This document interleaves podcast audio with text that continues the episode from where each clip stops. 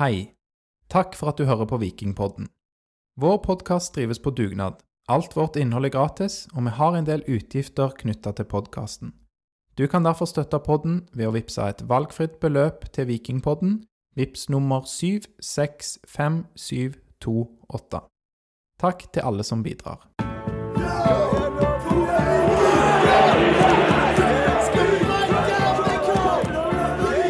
Så tror jeg bare vi begynner. Velkommen til oss, Gunnar Aase. Takk for det. Hyggelig. Veldig kjekt at du kunne være gjest hos oss i Vikingpodden. Hvordan går det med deg? Det går veldig bra. Ferdig med julefeiring og fri og eh, alt det som følger med, så klar for et nytt år. Ja. Og hva går eh, 2023 så langt for din del? For min del så er det jo eh, som vanlig så er det jo jobben, da. Men så eh, må vi vel ta litt tak i og komme litt eh, i gang med trening. Vært litt sløve. Så eh, alle har jo et nyttårsforsett om å starte på det, da. Så det er jo planen. Å spille mer golf enn jeg har gjort i, eller gjorde i fjor, da. Ja. Så Så golf er ikke trening? Eh, Du regner ikke det helt, Nei, jeg vil vel ikke si at det er noe hard trening. Det er sosialt, det er kjekt, men eh, akkurat trening, det drar det litt langt. Hva er din foretrukne treningsform eh, nå for tida?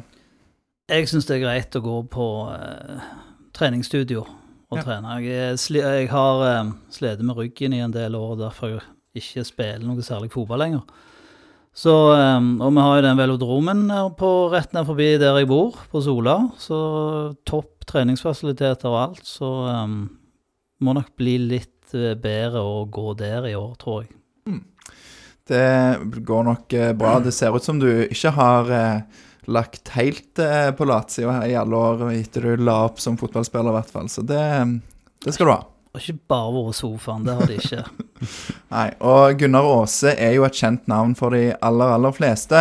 Og du har faktisk blitt titulert, Gunnar, som eh, en av tidenes mest populære vikingspillere på deres egen hjemmeside. Ja. Hva tenker du om det? Nei, det er jo noe du Eller jeg faktisk er litt stolt over, da. For um, det er ikke få spillere som har vært innom Viking i den stolte historien klubben har. Så at du er en av de som er, ennå er blant de mest populære, da har du jo gjort et inntrykk som ennå sitter igjen, da. Og det er jo bedre det enn å være en som blir glemt. Så jeg syns jo det er hyggelig at det ennå kan bli stoppet, og folk snakker og husker deg igjen og alt det der. Så det tar jeg som en liten ære. Det, jeg er stolt over det. Det ble elleve sesonger, var det det? 1990 til 2000? Ja, elleve sesonger, så det, det ble noen. Og jeg var jo ikke akkurat gammel heller når jeg ga meg, da. Så uh... Nei, det skal vi komme litt tilbake til. Så ja. Ja, vi skal gjennom uh, mye forskjellig. Um, men vi kan starte med et lytterspørsmål, og det er sånn som dette, hvis du er klar for det. kjør i vei. Hei, Gunnar. I 1990 så jeg deg naken i vikinggarderoben. Siden har jeg vært hekta. På Viking, altså. Det har vært noen få gode år og masse elendighet. Tar du selvkritikk? Hilsen Letolin. Naken. Ja, og her er faste lyttere av Vikingpodden vil kanskje skjønne hvem dette er som stiller dette spørsmålet, men det var altså en kar som var eh, Fikk være med da Kurt Hegre og, i garderoben, og da så han deg naken i garderoben. Ah. Ok. Ja, ja. Så det, det ble en historie på, i podden, da. Ja, jeg trodde du henviste til den der eh, VG-artikkelen der jeg lå med et håndkle på eh, et sånn massasjebord. eh, men ehm, I alle dager.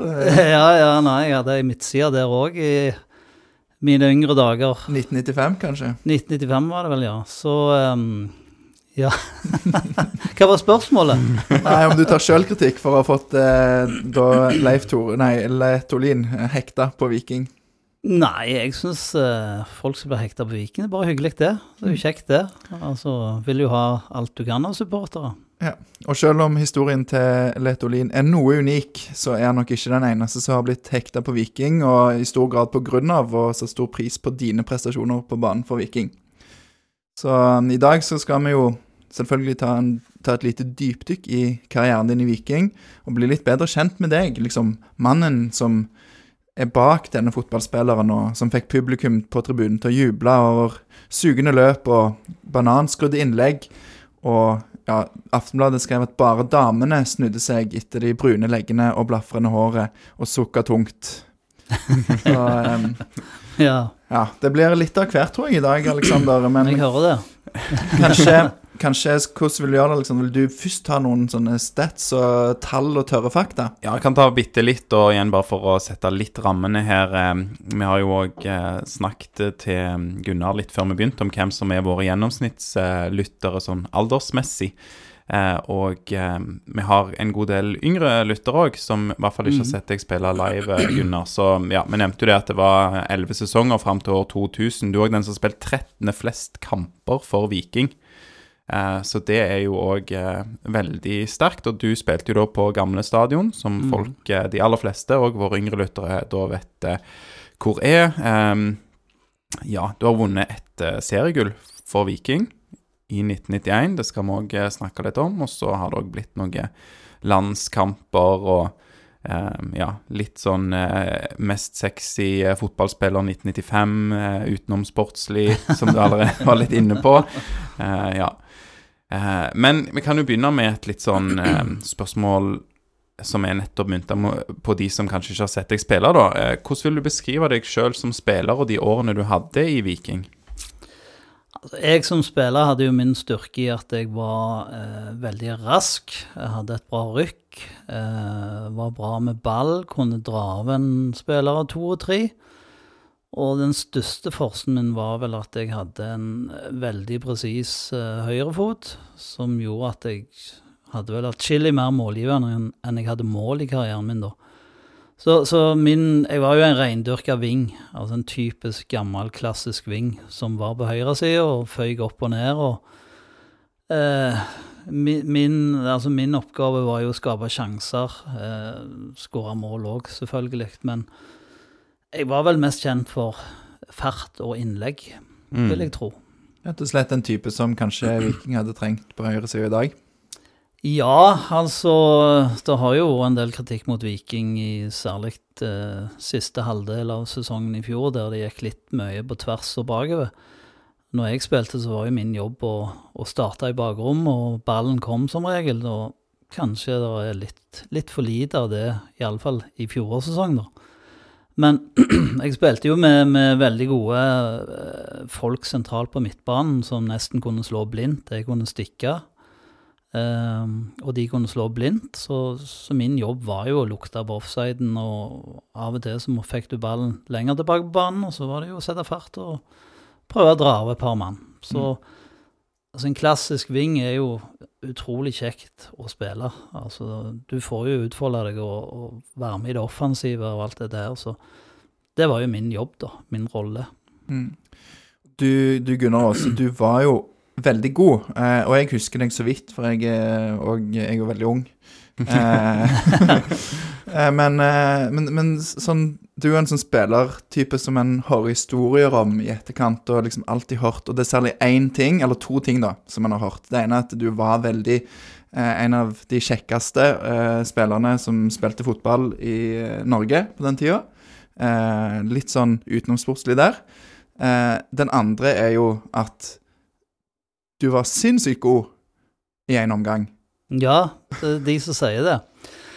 Nei, Det er vel en viss sannhet. Altså, jeg tror nok hvis du ser på de elleve år jeg spilte, så tror jeg nok at jeg hadde mer gode omganger på den sida der, altså sitrebunnen, motsatt. Men eh, jeg hadde nok av gode omganger på den andre sida òg. Men det var som regel Vi prøvde jo alltid når det var muntkast og alt det der, og så eh, få den sida, starte på den sida. Eh, og da var det jo å gå ut i 110, eh, gi gass og prøve å få en ledelse til pause og alt dette her. Og klart det blir brukt mye krefter òg når du raser opp og ned i eh, en omgang bånn pinne der, og ikke alltid det var like mye saft i beina når du kom ut i andre omgang. Altså, jeg tror jo kanskje de er litt mer blodtrimma i dag enn vi var på 90-tallet, så Men det var nok mer bedre omganger på den sida enn motsatt. Du vil altså skylde det da på inngang til kampen og kampplan? Ja, Heller så enn, eh, jeg måtte jo gi gass for at vi skulle lede til pause. Sånn, Ja. Så er det jo opp og ned og fram og tilbake, så jeg, jeg har jo alltid fleipa med det og si at eh, når du leder 2-3-0 til pause, så er det helt greit. Ja, det er sant. Godt poeng. Så, ja. Og igjen da for våre yngre lyttere, det ble jo kanskje tydelig nå, da, men eh, gamle Stavanger stadion var jo ganske sånn eh, skeivt fordelt med tanke på eh, publikumskapasitet. Med en svær, veldig fin sittetribune på den ene siden, og så med plass til sånn litt over 5000, stemmer det? Ja, på sittetribunen så var det nok noe sånt. Ja. Fem, fem og et halvt, et eller annet sånt. Ja. Og på andre sida så var det en sånn, eh, noen sånn betongtrapper der man sto. Så- Ja, både der og i begge svinger var jo òg betongtrapper, så det var jo en iskald stadion sånn sett, da. Mm. Og eh, ja, kan, kanskje mer stas da å spille nærme denne fineste tribunen, ja.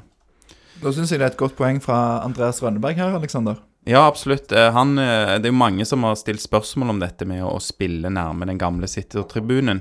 Eh, Andreas Rønneberg lurer jo på om det hadde vært en av Norges aller beste spillere på SR-Bank Arena, i og med at den er så jevnt og fint bygd, og med tribuner på, tribuner på alle sider. Ja, ja, ja. Det, jeg må jo bare svare ja til det. Det er jo ikke noe tviler på. Godt spørsmål, og jeg svarer ja til det. Ja, det er veldig bra. Ja. Mm. Det var en av de som lurte på dette òg, med gamle City-tribunen, og om du var bedre. Det var Thomas Wilhelmsen og Pål Jæger Jacobsen, og ja, det var vel flere. Så um, føler jeg vi har fått et greit svar på det. Um, men det er jo en sånn gøy, gøy ting for uh, liksom Som har bare blitt sittende med deg, da.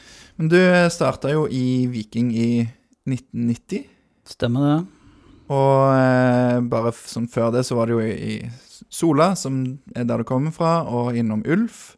Litt kontroversielt der, forsto jeg, med noe karantene og, og sånn. Um, var det populært når du da endelig gikk til Viking? For jeg forsto det var en ettertrakta ung mann. Ja, jeg var vel det. det var vel eh, Jeg tror både Brann og Rosenborg samt Viking fulgte jo med på det som var gutt juniorlandslag. Og jeg spilte jo i alle år der fra, fra jeg kunne være med på guttelandslaget og alle nivåene opp via U og OL og alt det der. Så det var jo klubber som visste hvem jeg var, hadde sett kamper, og alt det der.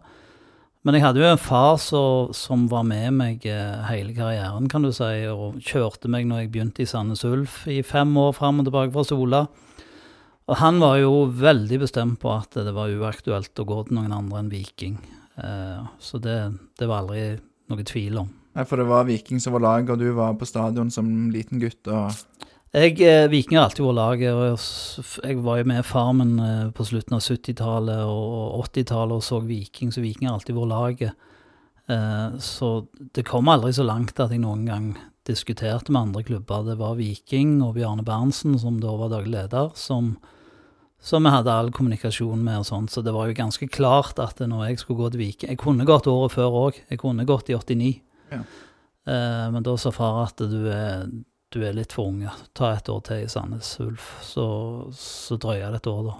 Synd for meg, for de vant jo cupgull i 89, så timingen var jo ikke helt den aller beste.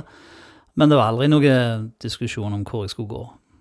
Er du fornøyd med rådene da som faren din eh, ga deg? Ja, altså Jeg tror nok han hadde rett at eh, for meg å bo hjemme istedenfor å flytte til Bergen eller Trondheim eller noe sånt, er jo mye tryggere når du først skal ta steget opp eh, til eliten. For jeg spilte jo aldri det som er Obos, eller det som den gang var førstedivisjon.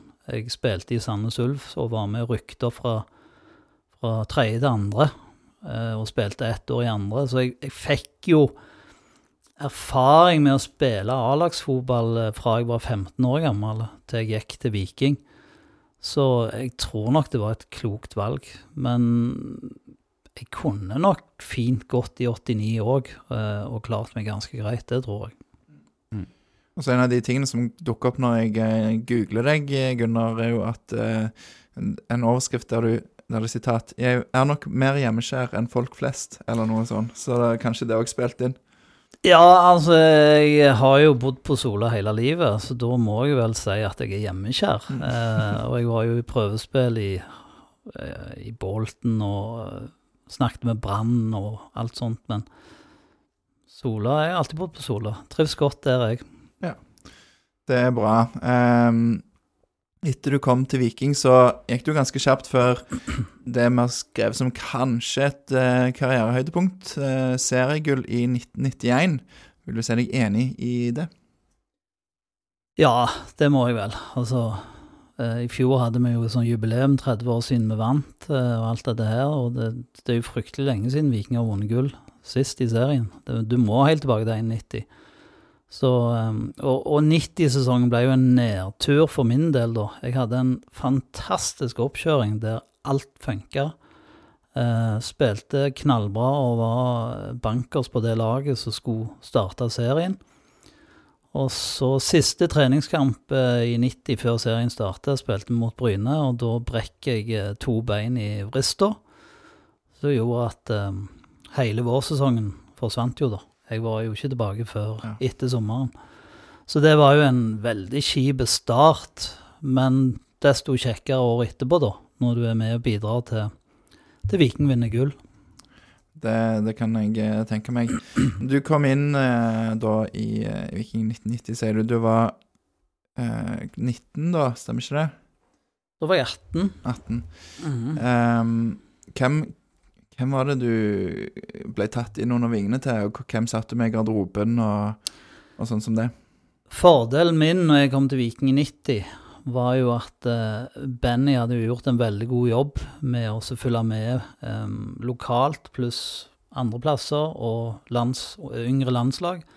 Så jeg kom jo på likt med Egil Østenstad og Kenneth Storvik, eh, Øyvind Mellomstrand og disse her.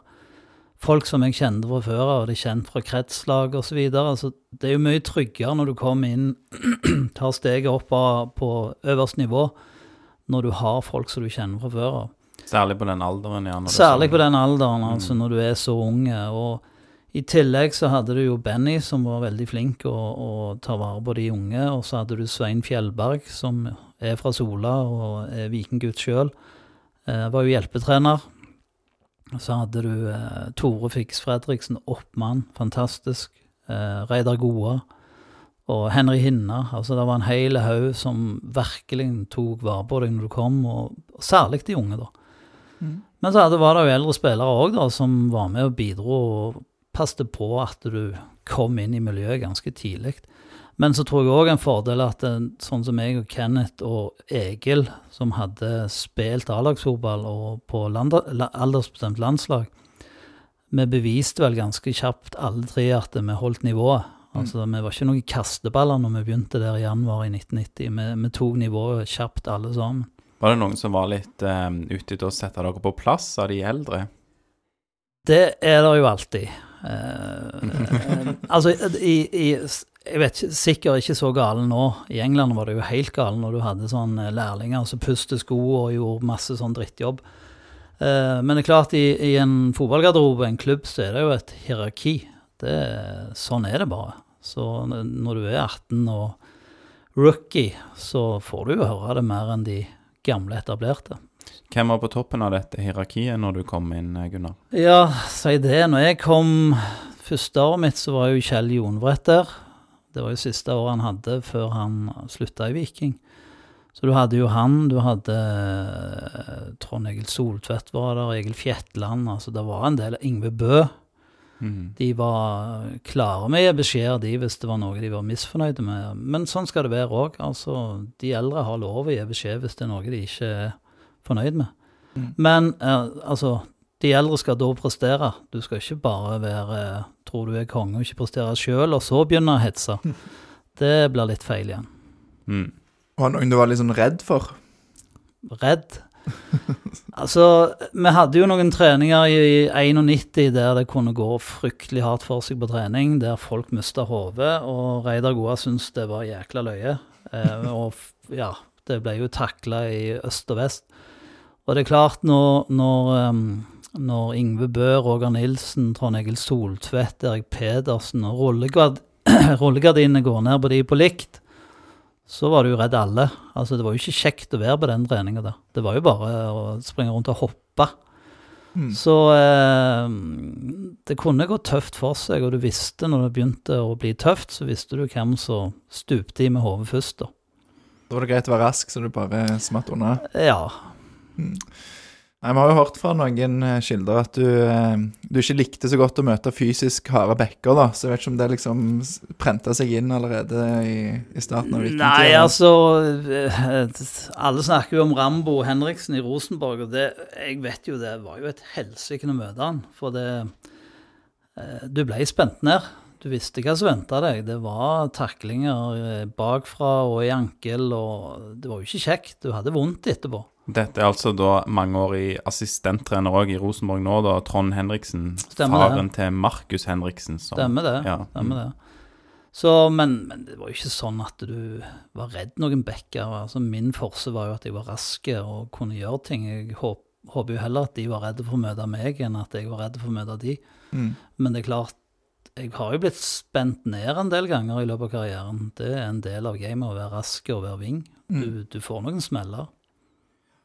Ehm, det kan jeg tro. Og du, du ehm, Var det noen sånne smeller som gjorde liksom at du ble skada, eller var det andre ting? Det er jo ofte muskulatur når du er rask, så er det jo det, men ja. Nei, Problemet mitt var jo at jeg hadde, som du sa, en muskulatur som var sprintbetont. Eh, jeg var eksplosiv. Og det gjorde jo at jeg sleit jo hele karrieren med en del strekker. Eh, jeg måtte operere begge luskene, måtte jeg òg ta.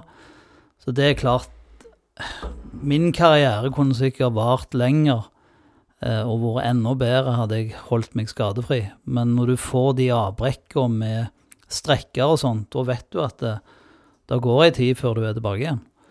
Så det ble mye sånn eh, Du var ute i perioder, og det, er tungt å være ute med strekk. Så jeg var jo plaget mye med strekk. Ja, det er jo òg noe som eh, Skal ikke si at det sitter like langt framme i, i min, mitt inntrykk av deg som eh, det at du var veldig god på den ene sida, men det er jo òg en sånn ting som gjerne blir hengende ved, da. Eh, etter en karriere. At tenk hvis og Ja, nå er ikke jeg sånn at jeg, eh, jeg Jeg har aldri tenkt sånn Tenk hvis at jeg hadde vært proff, eller tenk hvis jeg eh, Nytter ikke å tenke og angre på noe. Gjort er gjort. Jeg hadde en skral muskulatur. Kanskje hvis det hadde vært i, i eh, Sånn som fotballen er i dag, da, med alt det som er av eh, oppfølging og støtteapparat, måten de trener på og alt det der, så kunne det vært annerledes. Men sånn var det bare. Mm. Og for Vikingfans så var det jo kjekt for de at da fikk de gleden av, eh, av å ha deg her i, eh, her i byen, istedenfor at du sprang rundt andre plasser. Um, hva andre høydepunkter vil du trekke fram fra karrieren din i Viking, Gunnar? Altså, vi hadde mye kjekt. Vi, vi hadde turer i Europa. Vi var heldige å møte Barcelona i 92. Vi har spilt mot Werder Bremen. Vi har spilt treningskamp mot Manchester United med Ferguson. Altså, det er masse sånne kjekke ting å se tilbake på. Så, så du fikk jo oppleve utrolig mye reising. Meg og Egil og Kenneth, som, som var på aldersbestemte landslag, fikk jo masse turer til Asia og Europa rundt overalt. Så på en måte så var jeg privilegert i så ung alder å få oppleve så mye. Eh, Så det var jo ei utrolig kjekk tid. Til tross for å være hjemmeskjær, så ja. Ja, altså Det er jo ikke normalt for en som går på videregående og plutselig stikker av ei uke og to og reiser. Vi var jo i Irak, nede i Bagdad, to uker på treningsleir. Så sånn helt sånn Og så kunne vi være i, i, i Penang ut forbi Malaysia på sånn vanvittige øyer. Så vi fikk oppleve Karibien var vi og spilte. Men så fikk du oppleve på slutten av 80-tallet, før muren datt, så var, har jeg jo vært i Polen og spilt. Det var jo skikkelig um, fattig og uh, veldig lukka. Så masse har du fått opplevd som du ser tilbake på som utrolig kjekt, da. Nå var jo Viking eh, i 2022 på treningsleir i, eh, i USA, men jeg hører jo at det er litt sånn peanuts da mot noen av de eh, kreative tingene de holdt på med når du spilte. Ja, nå var det jo ikke Viking som hadde de turene. Okay, det var det var det... stort sett landslaget vi Ja. var Vi hadde jo en eksotisk tur eh, med Viking, tror jeg det var i 97. Da var vi i Sør-Afrika på treningsleir i Johannesburg. Mm. Men stort sett når jeg spilte, så var det vel Kypros eller eh, Spania vi var på treningsleir, da. Ja. Danmark òg i ny og ne. Mm. Det er vel litt eh, typiske eh, plasser å dra. Viking er nå i Alicante. Alicante, ja. Og jeg minner om jeg tenkte, når du sa Irak, så tenkte jeg ikke landslag, da tenkte jeg treningsleir. Men det var jo kanskje godt at det ikke var lagt til Irak. Jeg tror ikke. Viking hadde reist eh, to uker til Bagdad på treningsleir, det tviler jeg på. Nei, Erik Johannessen sa jo de var på treningsleir i Nigeria, var det på 70-tallet? Var det i Nigeria? Så òg fikk jeg jo helt sjokk, men eh, ja. Ja, jeg husker ikke detaljene der, men, eh, men ja. Mm. Eh, men er det liksom en kamp eller et minne som du husker spesielt godt? Du fortalte oss jo om den, den kampen du husker fra gullsesongen. Ja, det er jo litt tragisk å tenke på. Altså, den kampen du husker best fra 1,90, var den denne grusomme startkampen. eh, Siste kamp før sommerferien ble rundspilt, tapte 5-2. Det er liksom den jeg husker best av alle. eh, Men, men eh, Barcelona er jo eh, Å spille på, mot Barcelona er ikke mange som får oppleve det. Og, òg, selv om det var Altså Manchester United her på stadion med Ryan Giggs og Lee Sharp og Smeichel og den gjengen der.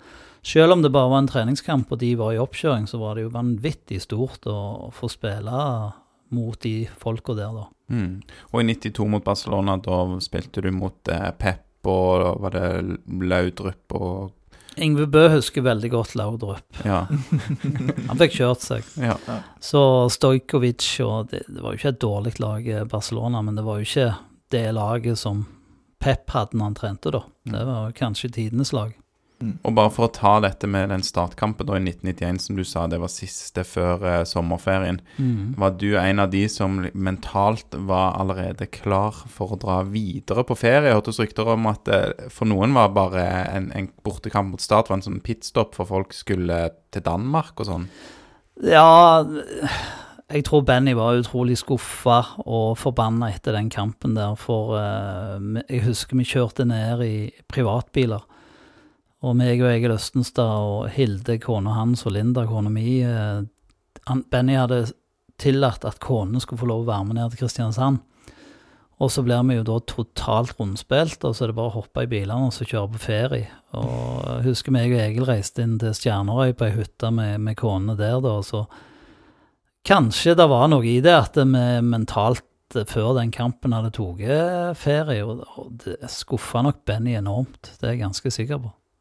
Så eh, det som hadde vært lurt, var å kjørt buss sammen ned til Kristiansand og opp igjen. Det var jo det som var det normale når du skulle ned til Kristiansand. Så eh, det hadde nok vært det beste, ja. Men det ble gull uansett. da, Det ble gull, Ja, så så skal ikke være eh, for ble. Noe ble gjort rett det året. No, Ja, ja, Ja. det, det gjorde det. Ehm, trener i 91, det var Benny, Benny. Og vi har eh, fått et ønske fra en lytter som ønsker noen eh, Benny-historier, så da Ja. Veldig åpent spørsmål, egentlig. Ja, men, eh, altså um, jeg, har jo, jeg hadde jo et veldig godt eh, forhold til Benny. Det var jo han som henta meg. eh, men jeg tror jeg skuffa han òg veldig. eh, for Benny var Han var en likende kar, men han hadde jo et sinnssykt temperament, da. Og som jeg sa, i 90 så brakk jo jeg foten um, siste seriekamp, nei, treningskamp før serien. Og det var skuffende for Benny. Nei, det var ikke skuffende, men jeg, eh, da, da fikk jo jeg med meg Kongeparken som russ. Ja. Eh, og da husker jeg den helga, så var det jo trening. Jeg var jo forplikta til å komme og trene. Men da meldte jeg meg syk, og så reiste jeg til Kongeparken, og eh, det fikk jo Benny med seg, da. Eh, og da, jeg glemmer det aldri. I, på, i kjelleren i Steingata, gamle garderoben, så hadde vi et tørkerom på et par kvadrat, og det stinka jo død og fordervelse der inne, for alt treningstøy hang jo der og tørka. Så jeg kom på trening på mandag og gikk inn for å hente treningstøy, så hører jeg bare døra smelle igjen bak meg, og riste alt, og da fikk jeg høre at han hadde Eller han visste jeg hadde vært i Kongeparken, da. Og da, en gang til en sånn utskeielse, da var kontrakten eh, reven i to, og da var det på hodet ut, og da eh, da var jeg ikke høy i hatten som hadde vært i klubben et halvt år, og så fikk den der eh, skyllebøtta der, så det var temperament i den svære bamsen, men stort sett så var han jo alltid på laget og passet på deg og ja, sånn, da. Det er kanskje greit med en liten sånn uh, vekker, men uh, var det verdt det? Nei, egentlig ikke. Eh, jeg hadde jo brukken fot, og, så det var ikke mye, mye du kunne finne på da. Så, men, men Nei, Benny han var en sånn utradisjonell trener som fant på masse merkelige øvelser som ingen forsto noen ting av. Men det ble jo løye på grunn av det at du ikke forsto hva i all verden er det vi holder på med. Har du eh, noen eksempler på hva det kunne være? Mm, Ja, men du har disse her overtrekksvestene. De kunne han plutselig finne ut at to og to skulle holde i en vest, og så skulle du spille fotball. Eh, springe rundt. Eh, det så jo helt idiotisk ut. Det er masse sånn tull og tøys. Eh, folk som sto og så på treninga, må jo tro det har klikka. Eh, her er det et lag som leder serien, liksom. Du holder på som noen tullinger. Så det er ikke sånn at du eh, fem år etterpå liksom, det gikk opp et lys Å ja, jeg skjønte hvorfor han ville vi skulle springe rundt og holde i overtrekkstressene. Ikke alle øvelsene, nei. Nei. Eh, ikke i det hele tatt. Det ser ikke ut som dette har liksom blitt tatt videre, da, for det er i hvert fall ikke som jeg vet. Så det er ikke- den øvelse som blir gjort nå om, ti om dagen. Tviler på du ser eh, den, eh, men han kalte det jo sikkert Ulf også sagt når han var her, han kalte det jo for verdenspremiere, og da var det noe sånn Men det var jo ikke for at dette her skulle være korrekt, det var jo for at du skulle le og altså løsne opp litt. Vi var jo, vi var jo under et press, altså når vi vinner kamp etter kamp og leder serien. liksom Skal dette holde ut, skal vi ta dette gullet? Så var det nok litt for oss å løsne opp litt og få litt lott og løye, senke skuldrene. og så det, jeg tror det var et viktig punkt han gjorde sånn ny og ne. Mm.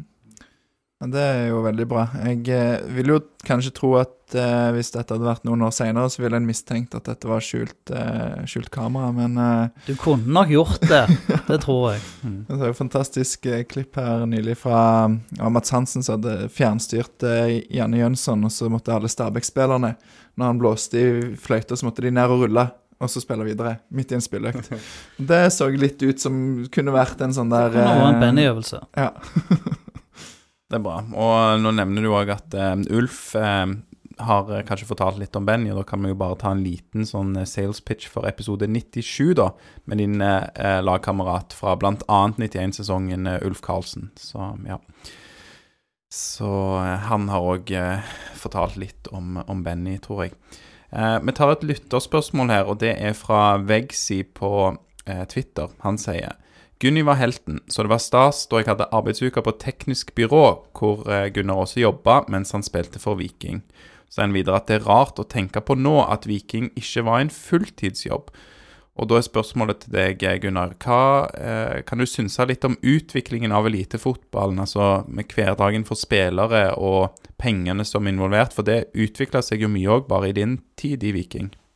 Det er helt rett. Jeg, jeg hadde jo etter militæret så spilte jeg Viking, og så hadde jeg jobb utenom.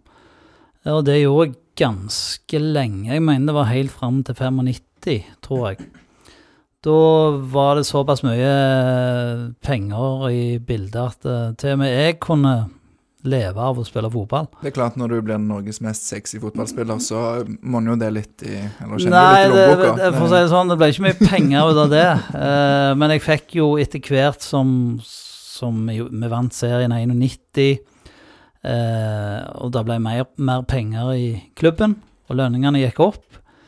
Så jeg kunne jo òg, etter å ha vært der en fem år, slutte å jobbe deltid. Og det er klart, for, for oss så var jo det bra, for da kunne vi jo trene morgen, ettermiddag, to økter til dagen, alt det der. Så jeg var jo òg med på den der fra å være sånn halvproff til plutselig være proff. Det begynte jo fra midten av 90-tallet, har jo fortsatt siden den gang.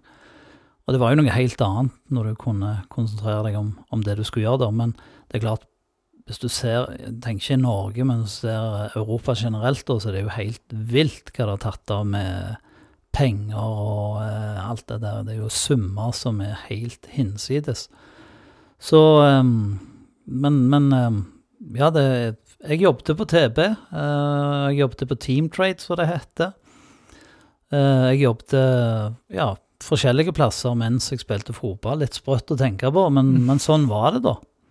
Så når du eh, kom til klubben i 1990, var det noen av de eh, mest etablerte som hadde dette som eh, fulltidsgeskjeft? Ja, det var jo noen. Altså, du hadde jo de beste, mest etablerte spillerne. Kjell Jonevret, f.eks., de levde jo av å, å spille fotball. Men oss unge som var 18-19 år og kom, enten studerte du på sida, eller så jobbet du på sida. Mm. Men det var jo sunt òg, da.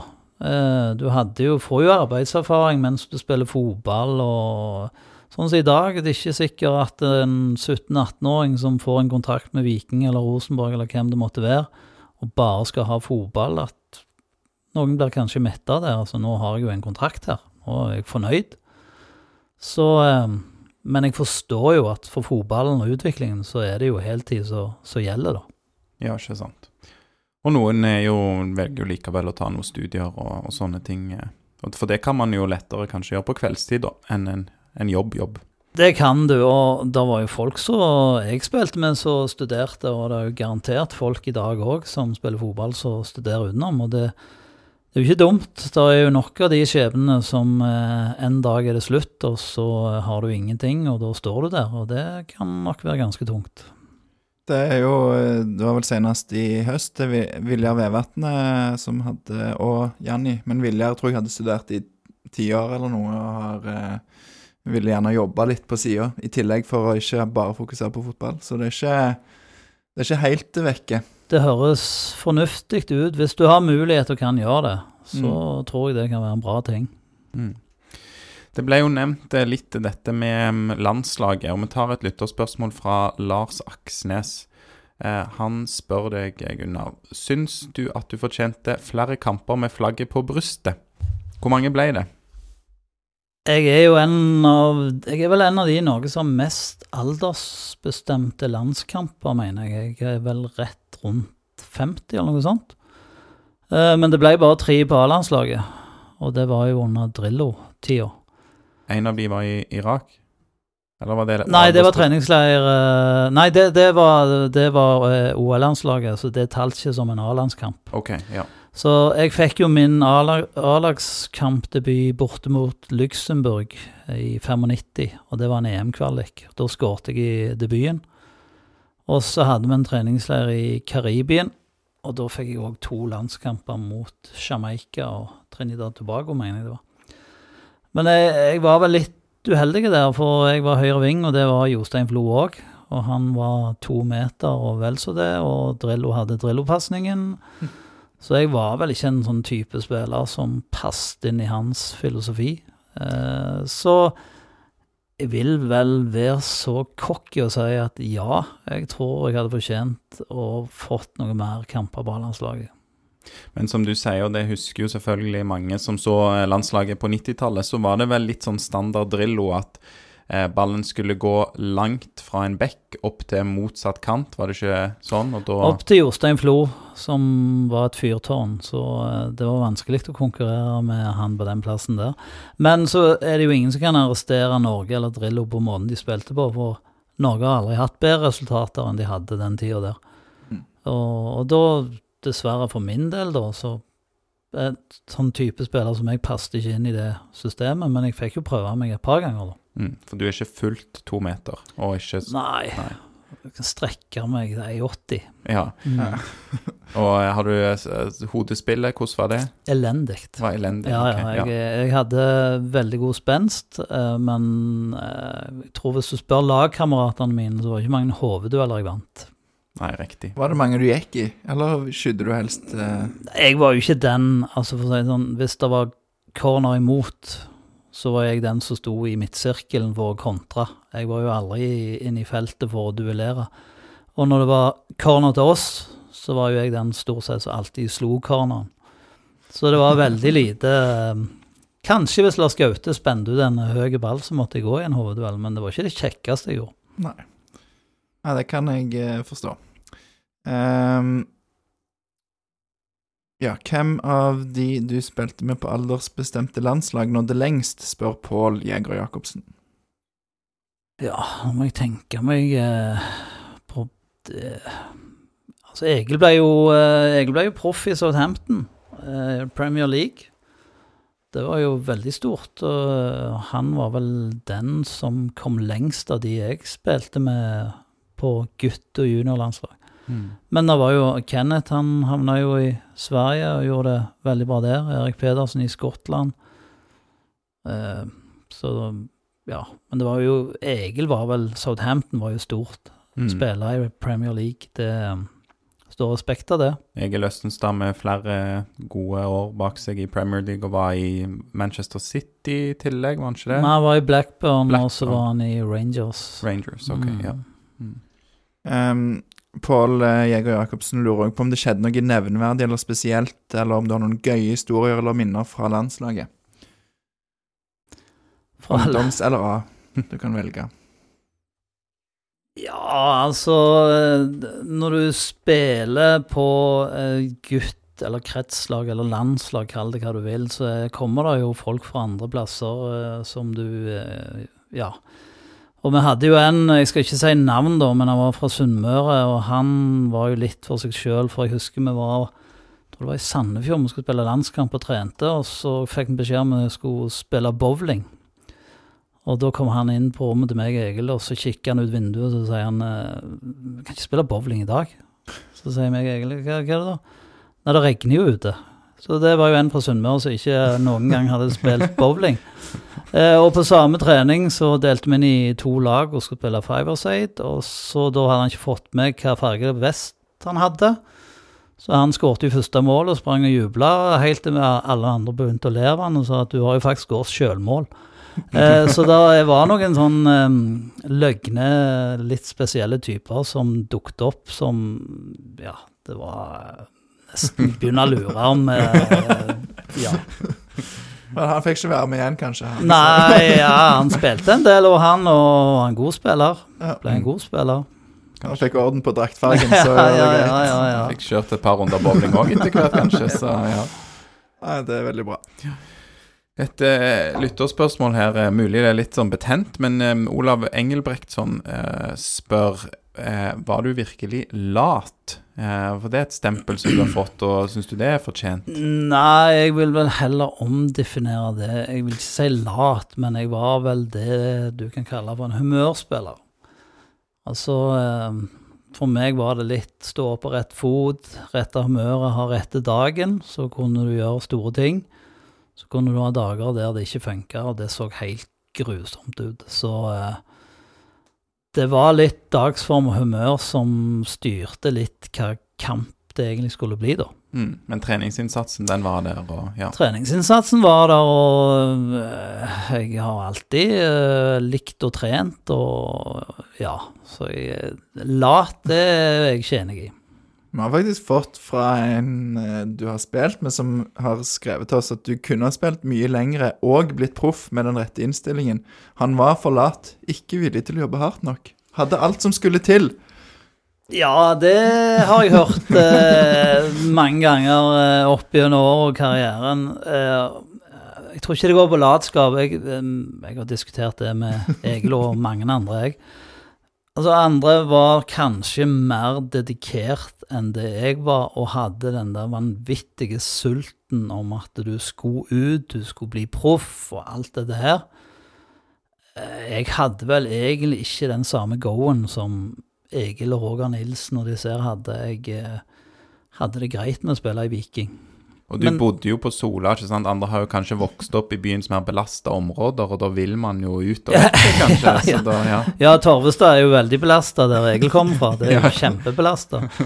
Så, så Men nei, altså, jeg hørte jo at uh, det var folk Nå er det noen som ser på deg på, på tribunen, uh, men det var liksom Ja, ja.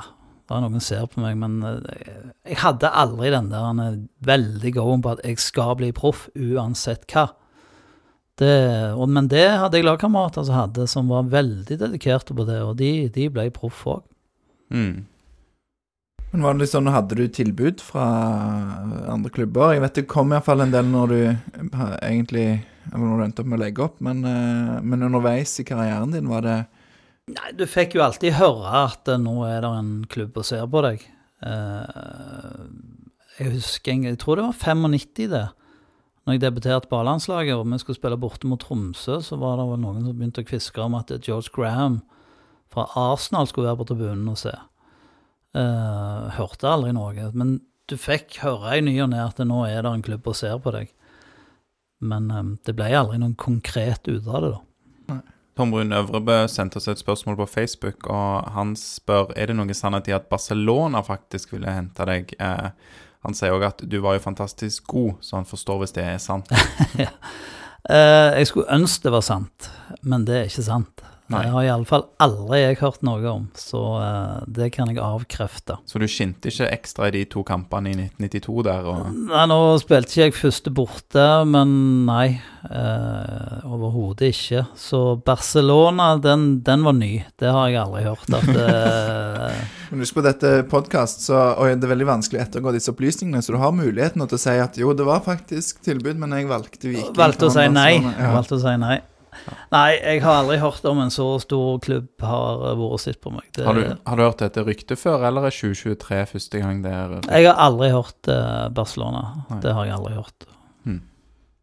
Da fikk vi i hvert fall det eh, avkrefta. Ja, det hadde jo vært litt, eh, litt, litt, kult hvis det kom fram for første gang i 2023.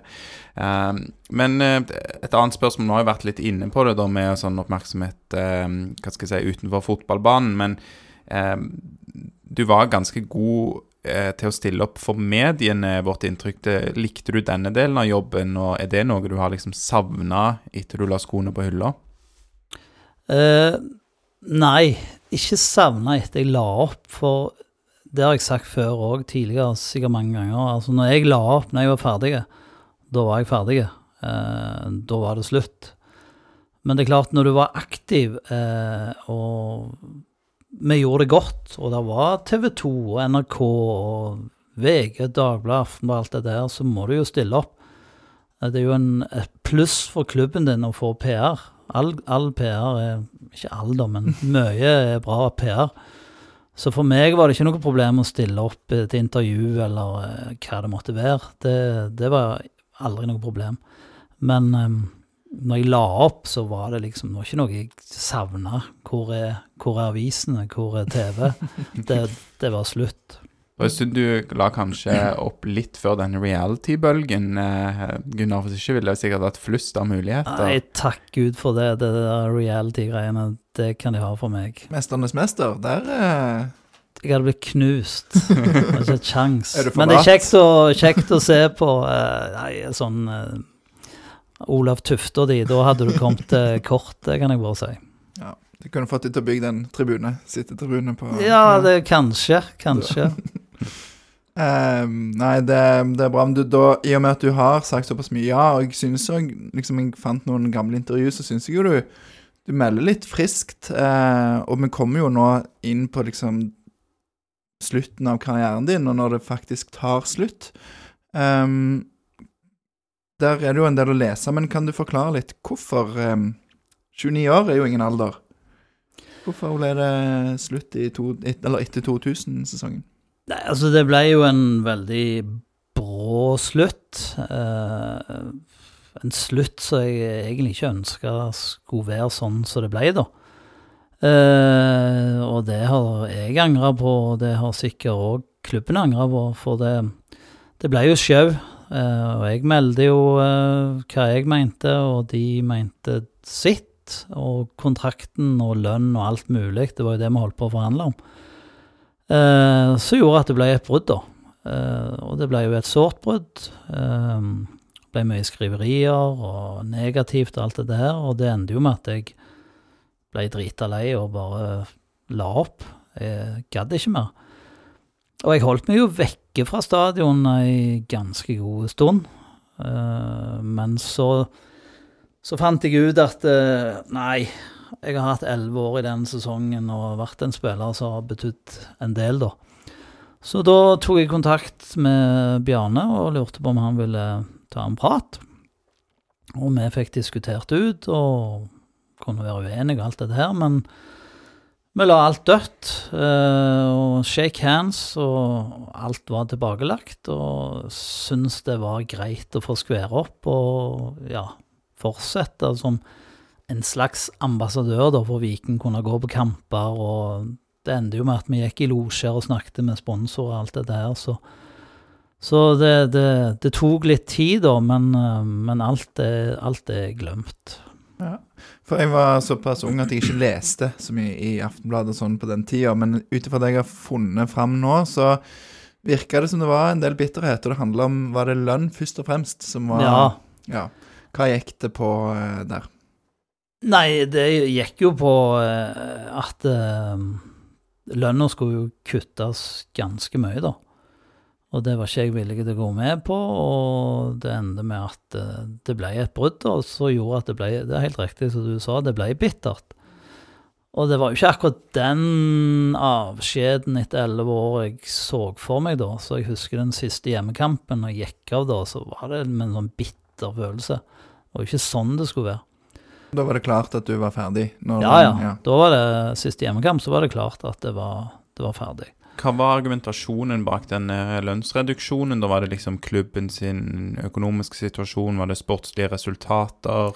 det var jo eh, Det gikk jo på at eh, jeg hadde jo bra med skader, og jeg begynte jo å nærme meg 30, og ja. Så eh, det var jo det det gikk på, og at de ville redusere lønna mi. Så Dumt brudd. bittert brudd, men gode venner nå.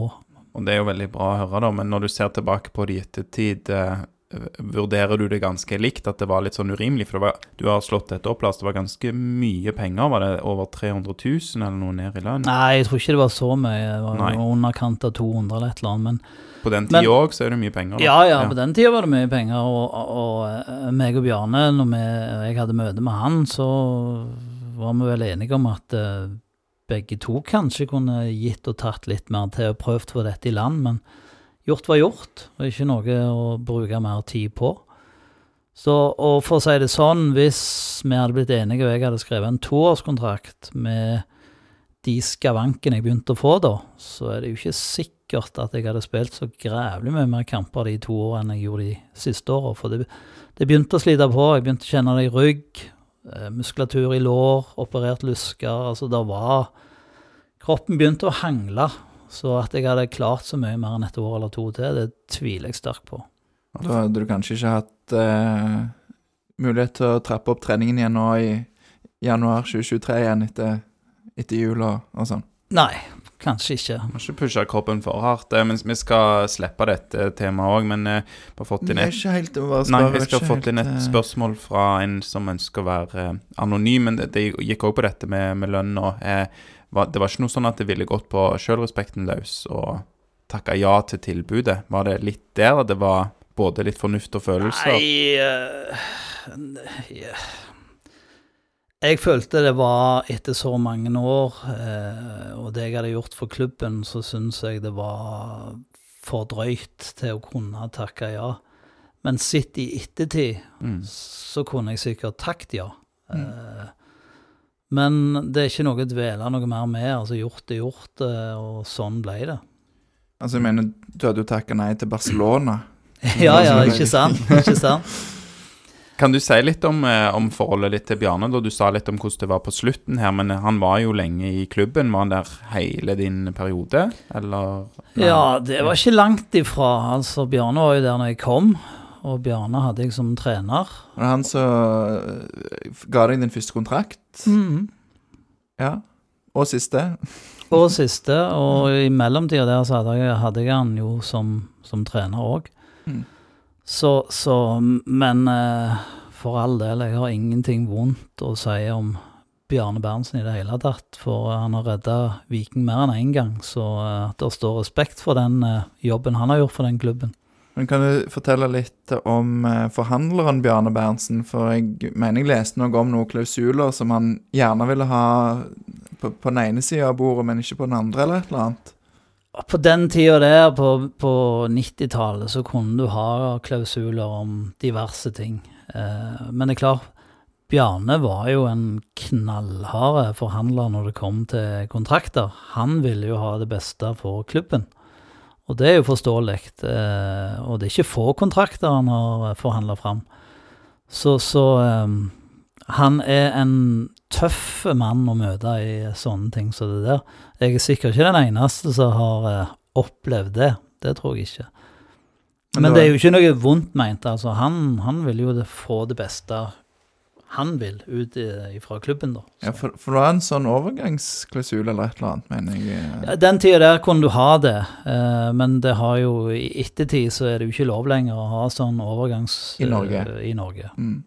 Men i, i eh, Europa har de jo det altså Erling hadde jo en klausul altså Nå har de jo utkjøpsklausuler. Mm. Uh, men i Norge så ble det jo slutt på det. Men du hadde det når du Det kom, ikke, eller når du det var ikke den eh, Nei, jeg hadde når jeg signerte for Viking kom eh, Ja. som 18-åring. Uh, men det var ikke de store summene vi snakker om, bare så det er sagt. Og, og hvordan funka det da? Var det sånn at hvis de legger dette inn i kontrakten din, så Kunne en må- klubb komme og kjøpe meg for det beløpet som da, Og da har du nærmest ikke noe valg, liksom? Eller? Nei, da bestemmer jo jeg da om jeg vil Ja. si ja til det. Så Mm. kan liksom ikke Klubben klubben forlange noe mer. Det er jo det som har vært en sånn eh, Kan kan en si torn i sida, kanskje, på, eh, på Viking de siste årene. Som er litt omdiskutert, siden det bare Norge omtrent i hele Iallfall Europa, at det ikke er lov å ha.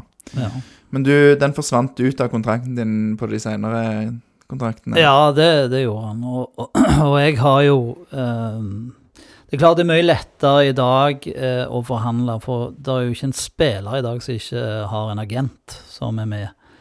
Alle elleve år jeg spilte i Viking, så eh, var jeg aleine om dette her. Eh, så tidene har jo endra seg. Det er ikke alltid like lett å gå inn alene der og være 24-25 år og skal forhandle om en kontrakt. Så eh, Og agenter er jo kanskje ikke de som eh, har høyest standing blant eh, supportere, f.eks., men det han har nok en fordel òg, da, å ha, få litt profesjonell hjelp innimellom. det tror jeg absolutt. Og i dag, med de summene som eksisterer i dag, som, så tror jeg nok det er godt å ha en agent. Du var jo litt inne på dette med at når du var ferdig, så var du ferdig, og at du har vært hjemmeskjær og sånne ting. Men, men var det aktuelt å spille for en annen klubb da når eh, det ble som det ble med Viking? For Aftenbladet har jo skrevet, som kanskje allerede ble nevnt, at det var tilbud fra eh, førstedivisjonsklubber i England og Aalborg og Bryne og Åge Hareides Brønnby var kanskje den mest sånn eh, konkret, jeg vet ikke. Nei, eh, jeg, jeg Etter cupfinalen, som var min siste kamp, I år 2000. 2000 tapte for Odd. Ja. Ja. Da, da var jo jeg ferdig i Viking, eh, og da fikk jeg en henvendelse om å reise til Bolton eh, på prøvespill. Så da hoppet jeg på flyet og reiste ned der. Um, ikke det lureste jeg kunne gjort, for jeg var halvskada. Jeg fikk en sånn veldig rift i kneet etter cupfinalen med møte med Holtan, keeperen. Eh, så jeg var der ei drøy uke, og så ble det ikke noe ut av det. Jeg var litt lei. Jeg kjente motivasjonen var egentlig på bånn. Og da fikk jeg en telefon fra Aalborg. Eh, min gamle eh, trener Pål Erik som hadde de da. Om jeg ville komme over der. Frista ikke. Eh, sa nei. Eh, og så var jeg i møte med Brann i Bergen. Og så var jeg i møte med Erik Brakstad, som den gang trente Bryne. Eh, så det, det var jo klubber som ville ha meg, og ville jeg skulle fortsette. Men sjøl så var jeg mentalt ferdig, egentlig. Det var frista meg ikke. Når var det du bestemte deg for at du var ferdig ferdig? Bestemte meg egentlig når jeg var, kom hjem fra Bolton, eh, at eh, nå, er det, nå er det slutt. Nå, nå er det ikke vits å fortsette lenger. Ville det vært spennende nok da med sånn eventyr i Bolton, tror du, hvis det hadde vært annerledes med, med skaden og sånne ting? Jeg eh, tviler på det at, eh, som jeg sa, helsa begynte å skrante, begynte å kjenne skavanker i, allerede i 2000.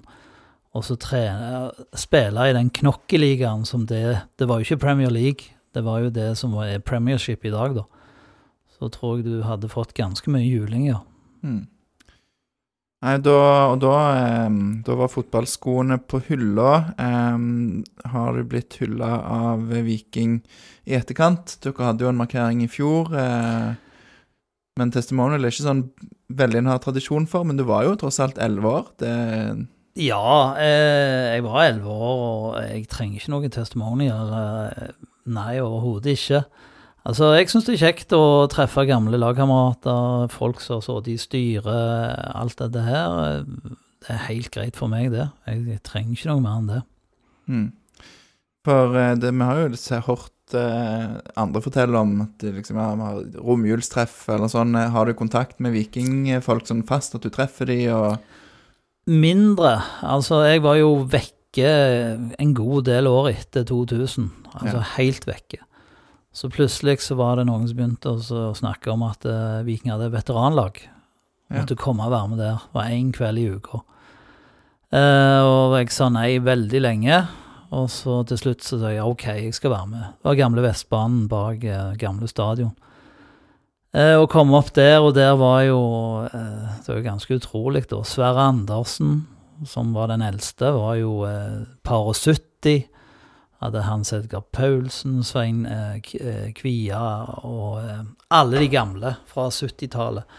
Pluss Yngve Bø og noen av de jeg spilte med.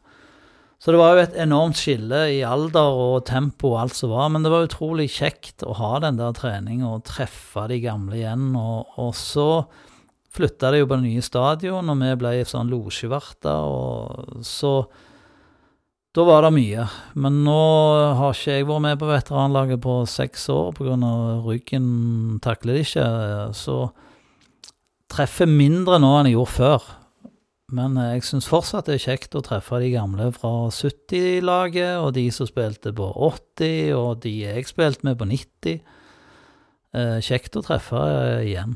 Ja. er det da, Går det stort sett i mimring tilbake til glansdagene, eller er det mm, Viking nå om dagen? Eller er det mer biler og trav? Nei, eh, altså Jeg er ikke den som går og sier at alt var bedre før. For jeg eh, ser såpass mye i fotball at jeg ser Alt var ikke bedre før. Altså Det laget vi er vant med i 91, hadde ikke hatt nubbesjans i eh, dagens eh, toppdivisjon. For utviklingen går framover, og sammen med de, som snakker om at de lagene, eller laget som vant tre-fire gull på 70-tallet, de hadde heller ikke hatt sjans. Altså, verden går framover. Alt var ikke bedre før. Vi, ja, vi vant titler, men nivået er så mye høyere i dag at uh, det er bare å se på, på Når jeg spilte på 90-tallet, så kunne det være spillere på lag som var litt sånn halvchubby. Du kan gå til Premier League, se på Gassa, Matt Letizier, Paul Merson. Og ikke topptrimma de. De har jo ikke hatt sjans i Premier League i dag der alt er blodtrimma i samtlige spillere i samtlige klubber. Så verden har gått framover. Det- må trenes knallhardt skal du henge med.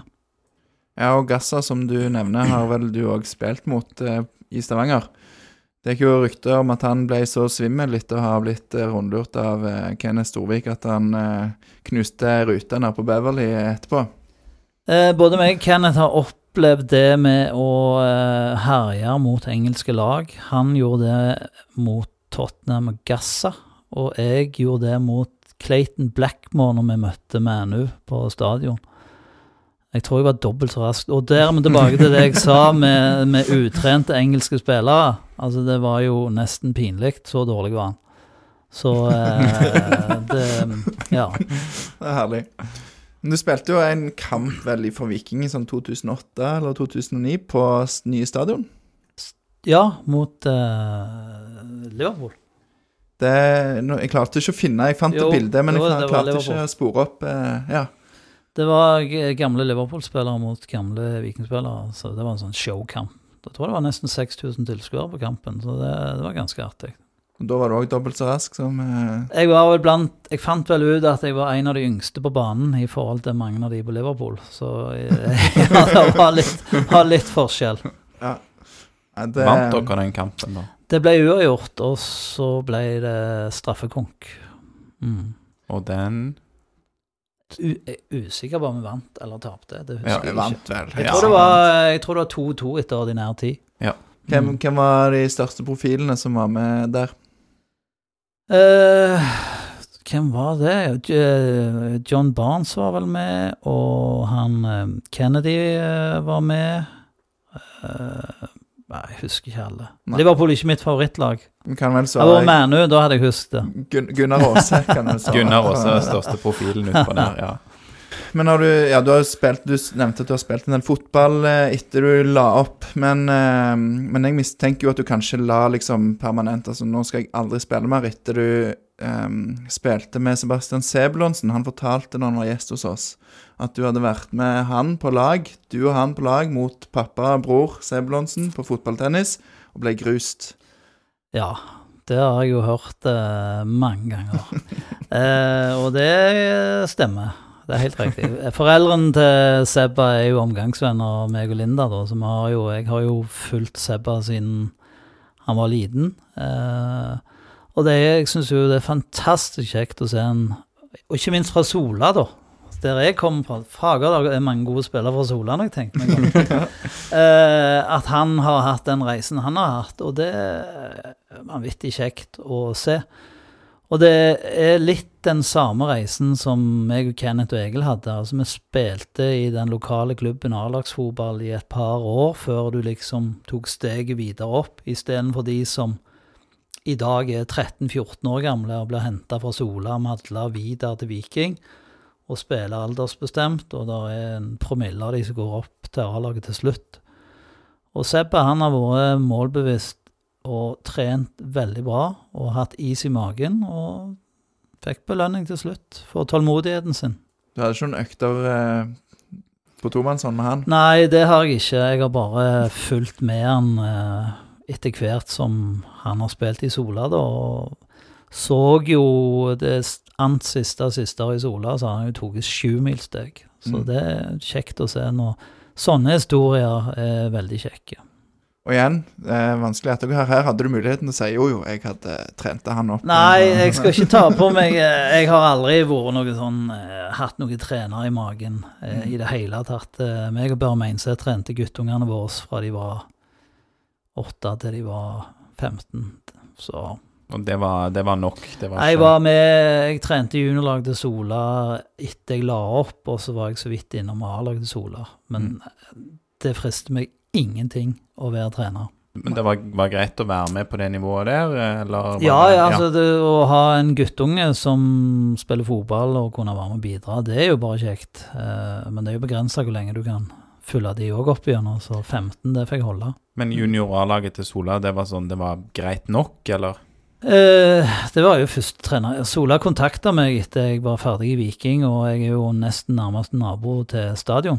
Så de spurte om jeg kunne være med og bidra. Så det var jo kjekt, det. Eh, og noen av de ble jo eh, Ikke pga. meg, jeg trente de i et år, jeg, men eh, to år, vel. Tom Erik Maldal spilte jo i eliten for Sandnes Ulf, og Espen Sola spilte i Nei, Espen Sola, eh, jeg har helt glemt hva han heter. Men det var noen av de spillerne som ble ganske bra. Espen Christensen han er jo landslagskeeper i håndball, A-landslaget, så Mm. det var en del bra, bra spillere. Ja. Um, nå har du jo en um, siviljobb. Eh, Trives du godt med det? Eller for at eh, mange velger òg uh, Sant, vi var innom trenerveien, men mediene, den type ting, det har ikke frista heller. Nei. Eh, å være trener på et høyt nivå krever ekstremt mye. Eh, så det, jeg har aldri hatt den der trenerspiren i magen eh, som mange andre har. Mm. Og det forstår jeg veldig godt. Og jeg ville heller ikke vært sånn TV-ekspert som synser om alt mellom himmel og jord, og høre på han eh, Hva heter han fra Mjøndalen? Vegard Hansen eller Nei, han, Christian Gauseth? Christian Gauseth er jo mute på fjernkontrollen. Jeg klarer det ikke. Så det Nei, det har aldri frista meg, eh, noen av de delene der. Da er det jo bedre å høre på sånne som oss, som har vært store i barne- og ungdomsfotballen, som driver og syns. Er det ikke det, Gunnar? Det er mye kjekkere. Ja. Mye kjekkere. Ja, det er veldig, veldig bra. Jeg drev jo bare liksom gjør litt sånn videre research mens du har snakka. Du, Ja, ja. du signerte tydeligvis en ettårskontrakt som juniortrener når du, når du ga deg som spiller, så signerte du ettårskontrakt med Sola som trener, juniortrener, som Mm. også hadde hjulpet deg med å få sivil siviljobb. Men så dukket det opp et gøyalt bilde av deg med en hjelm, og ser lettere forskremt ut. Eh, Ja, Vet du hva, hva dette bildet her eh, handler om? det vet jeg. Ja. Det er golden goal. med Johan Golden og Elvestad. Der vi skulle spille fotball på rollerblades. Eh, og det var livsfarlig, for å si det rett ut. Så kan uh... Der ser du hvor forskremt jeg var. Var livredd. Eh, og det var gamle spillere som ble delt inn i to lag. Inni en håndballhall på parkett skulle spille roller, eh, rollerblades fotball. Og jeg har aldri konkurrert på skøyter i hele mitt liv, så det var nesten å finne en bruskasse å holde i for å stå på beina. Artig var det, men eh, ja. Sikkert god underholdning eh, å se på òg. ja, det, det må vi se om vi klarer å grave fram. Ja, det hadde vært uh, kult å uh, se. Og veldig, det var et gøy konsept, husker jeg. eh, Golden Goal. Det var et kjekt uh, program. Um, vi har jo vært litt innom det, Gunnar, her, liksom veien hva skal jeg si, tilbake etter en pause da på 2000-tallet, der du ikke var å se på stadion og, og sånne ting. Men følger du mye med på Viking i dag? Ja, jeg, jeg følger med. Jeg eh, får med meg stort sett det som står i aviser og nyheter, men jeg må ærlig innrømme, i fjor var jeg veldig dårlig å gå på stadion. Jeg tror jeg så to kamper. Var det det? Jo. Første seriekamp og den europacupkampen når de røyk ut. De var jeg og så. Um, og det er jo altfor dårlig. Jeg har jo sånn eh, livskort eh, livet ut som fortjenestemedlem, så jeg var ikke flittig bruker av det. Men jeg har hatt noen sesonger der jeg har vært veldig ofte på kampene. Så har jeg hatt noen sesonger jeg har vært litt mindre. Men i fjor var det var dårlig. Hva som trekker deg på kamp, eller gjør at du eventuelt ikke går? I, altså, i fjor Dårlig unnskyldning, da, men eh, vi bygde nytt hus som tok vanvittig mye tid. Eh, så eh, ja. Men to kamper, eh, og de gjorde det jo fryktelig godt fram til 16. mai-kampen, og så var det brått slutt. Så jeg burde jo absolutt gått mer. Men jeg har en jobb der, der jeg jobber, der eieren er medeier i Oilers, en av de største sponsorene. og vi har masse kunder med på kamper, eh, og det er klart jeg har vel vært mer i DNB enn jeg har vært på Viking stadion de siste årene, det må jeg vel ærlig innrømme, men det er jo jobbrelatert, da. Kan du få eier og sjefen din til å spre pengene litt, eh, så det drypper både Ja, på jeg kan jo si eh, Kjartan Håkil, hvis du hører på denne podden her, så har vi jo vært etter deg i mange år om at du skal eh, bli Vikingsponsor, men jeg har mine tvil om at det kommer til å skje. Han er, han er mer Brynemann. Han er mer, Ja, OK, det har med det å gjøre. Og i hockeyen så er det ikke noe sånn regional Og Oilers, så eh, jeg tror det skal godt gjøres. Dette er logistikk, er det ikke det? Håke Logistikk jobber jeg i, ja. Og der har jeg jobba i ti år, eh, så det er jo eh, fryktelig kjekt, det jeg driver på med. Mhm. Det er jo eh, godt å høre. Um, nå fulgte du ikke så godt med i um, 2022, da, som du sier, Gunnar. Men vi hadde jo din tidligere lagkamerat Ulf Karlsen inne nettopp på 16. mai, da. Em, for å snakke da om Viking som hadde vunnet 3-0 mot Jerv 16. mai 2022. Eh, veldig mange var jo eh, positive em, på dette tidspunktet, selvfølgelig. Vi lå jo på førsteplass. Eh, og Ulf Karlsen var jo en av de som sa at han så noe av det samme da, i fjorårets lag, som det han så hos dere i, i 1991. Men så ja, ble det, jo, ble det jo som det ble, det vet vi alle. Men hvordan så du fjorårssesongen da utenfra? Altså, jeg var som sagt bare på to kamper, men jeg så jo de fleste kampene på TV hjemme, så jeg, jeg fulgte jo med. eh, og det var jo Altså, gutsen det var i laget i starten av sesongen, eh, borte mot eh, Bodø-Glimt, det var vel i cupen, var det ikke det? Ja. Og så møter de hjemme etterpå med det trøkket, og, og, og det, altså Viking gikk jo i 110 så, så var det jo noe på gang. Eh, men jeg, jeg vet ikke hvorfor det slokna som det gjorde, men et eller annet skjedde der. Jeg tror ikke bare du kan skylde på at Sebba og Berisha forsvant. Eh, to spillere skal ikke kveltre et helt lag.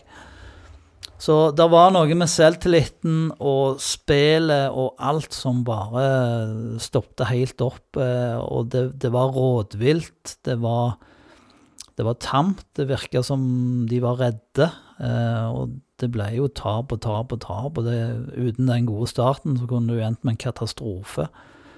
Så eh, Hva tenker du om dette med, med Europa, da? Det er mange som aldri har spilt i Europa før. Det er vel noe du òg har gjort for første gang en gang, holdt jeg på å si. jeg har spilt i Europa, ja, det var jo en første gang, og eh, det var Barcelona. Så skal jo noe Det toppe det, da. Men da, da ble jo noen europacupkamper eh, i løpet av de elleve årene. jeg var etterpå òg, da. Og ja, jeg tror kanskje at den cup-exiten, den, den svei. Den var tung. Altså, du er på overtid. Du ryker på et feilaktig straffe som gjør at du ikke kommer videre. Den, den er blytung. Og for alt jeg vet, så kan jo det påvirke spillere og resten av sesongen mer enn vi tror. Kanskje skulle hatt litt mer sånn eh, fotball med å holde i vesten til hverandre og sånn, sånne type Ja, bandyøvelser. istedenfor dette så lett som han, eh, han gjorde, så eh, Men det, det var en fryktelig måte å ry- ryke ut på, da. Det er jo surt, for det For det første så snakker du opplevelse for spillerne med å gå videre i Europacupen. Og for det andre så snakker du jo mange millioner i inntekt, som Viking absolutt trenger. Mm. Når du ser på hva Molde og Bodø får eh, for å gå videre, Det hagler jo inn eh, millioner i kassen. Ja, nei, det er heftig. Hva skal til for at Viking blir et eh, gullag framover nå, da? Det tror jeg er fryktelig vanskelig, sånn som det er akkurat det nå.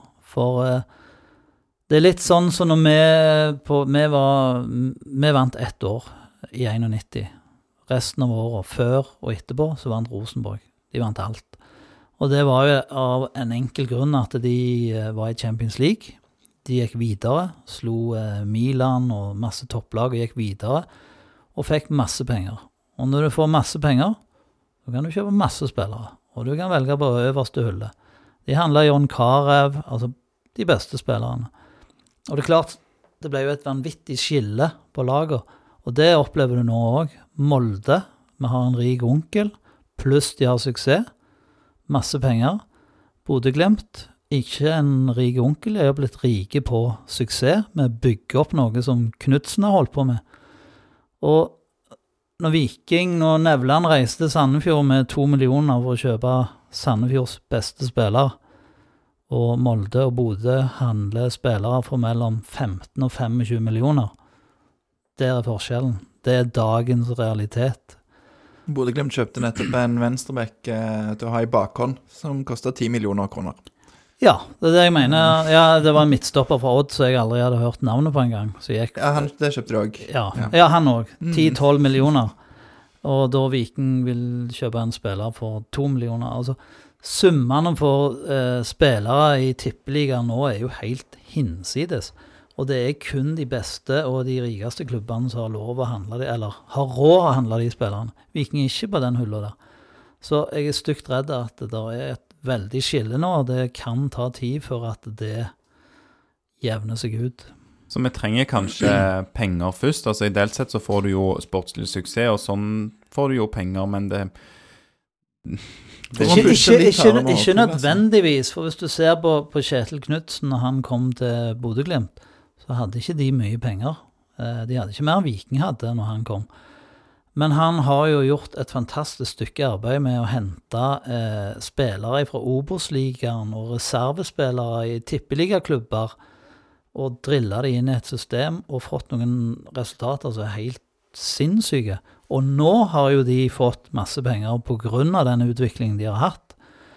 Så kanskje Viking sin mulighet til å oppleve noe av det samme er jo eh, få spillere som du former, og til slutt blir så bra at du kan være et topplag.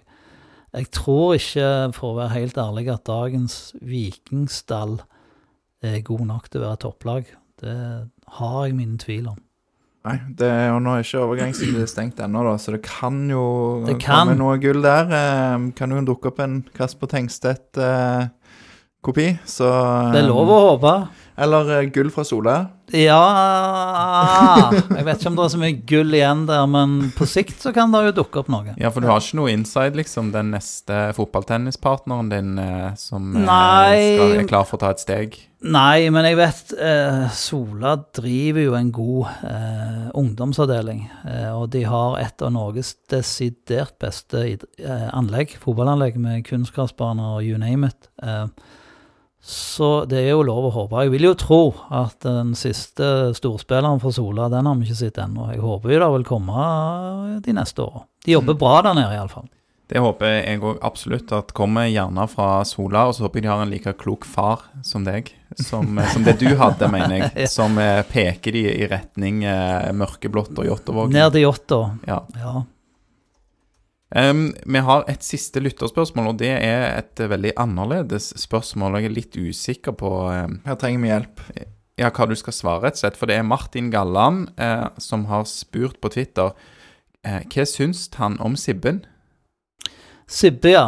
Uh, ja. Det er jo valg. Sibbe fra Sandnes. Sibbe fra Sandnes, det må Ja. jo være det. Hva skal jeg si til det? Jeg syns Sibbe fra Sandnes, når det kom, var uh, hysteriske løye. Uh, de jokerne han uh, dro der. Men uh, det er vel en del år siden jeg har syntes det har vært løye med hvalen. Det må jeg innrømme.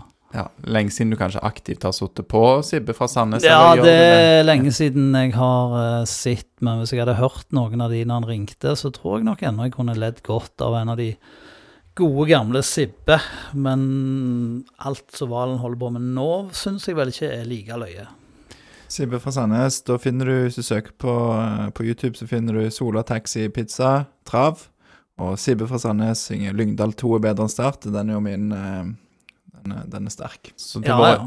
yngre lyttere så kan vi anbefale det å google Sibbe fra Sandnes og høre litt eh, old school Kristian Valen, som er veldig løye. Jeg Det var det løye når han Ja. slo gjennom på dette, og det var når det kom, eh, og den dag i dag, var jo veldig løye. Det er jeg helt enig i. Mm. Hva? Da var vi ved veis ende her, Gunnar. Er det noe du eh, føler du ikke har fått fortalt, som du helst skulle ha sagt? Nei, egentlig ikke. Vi til å spørre sånn Hva ville du spurt Gunnar Aase om hvis han var gjest i din podkast? Eh, Ja, si det. Hvorfor tre Hva skal jeg si? Nei, jeg vil ikke svare på det.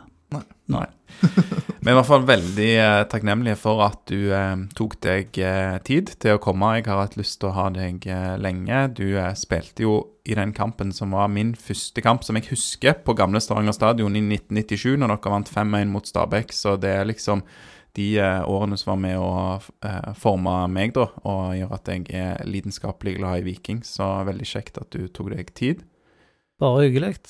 Veldig glad for det, og takk for uh, alt du har gitt av glede og minner til, til vikingfans opp igjennom. Så eh, Ja. Så må vi òg bare si takk til alle som har bidratt med spørsmål. Det gjør det enda lettere å, å drive podkast, og så er vi litt tryggere på at vi ikke misser noen sånne opplagte spørsmål. Noe mer å legge til da, Lars? nei, jeg tror vi skal avslutte der. Vi nærmer oss vel en kamp, eller er vi bikker med Ja, nå er det, nå er det snart en eh, fullspilt fotballkamp. Det er det. Så da avslutter vi med å si som alltid sier. Én, to, tre. Heia Viking!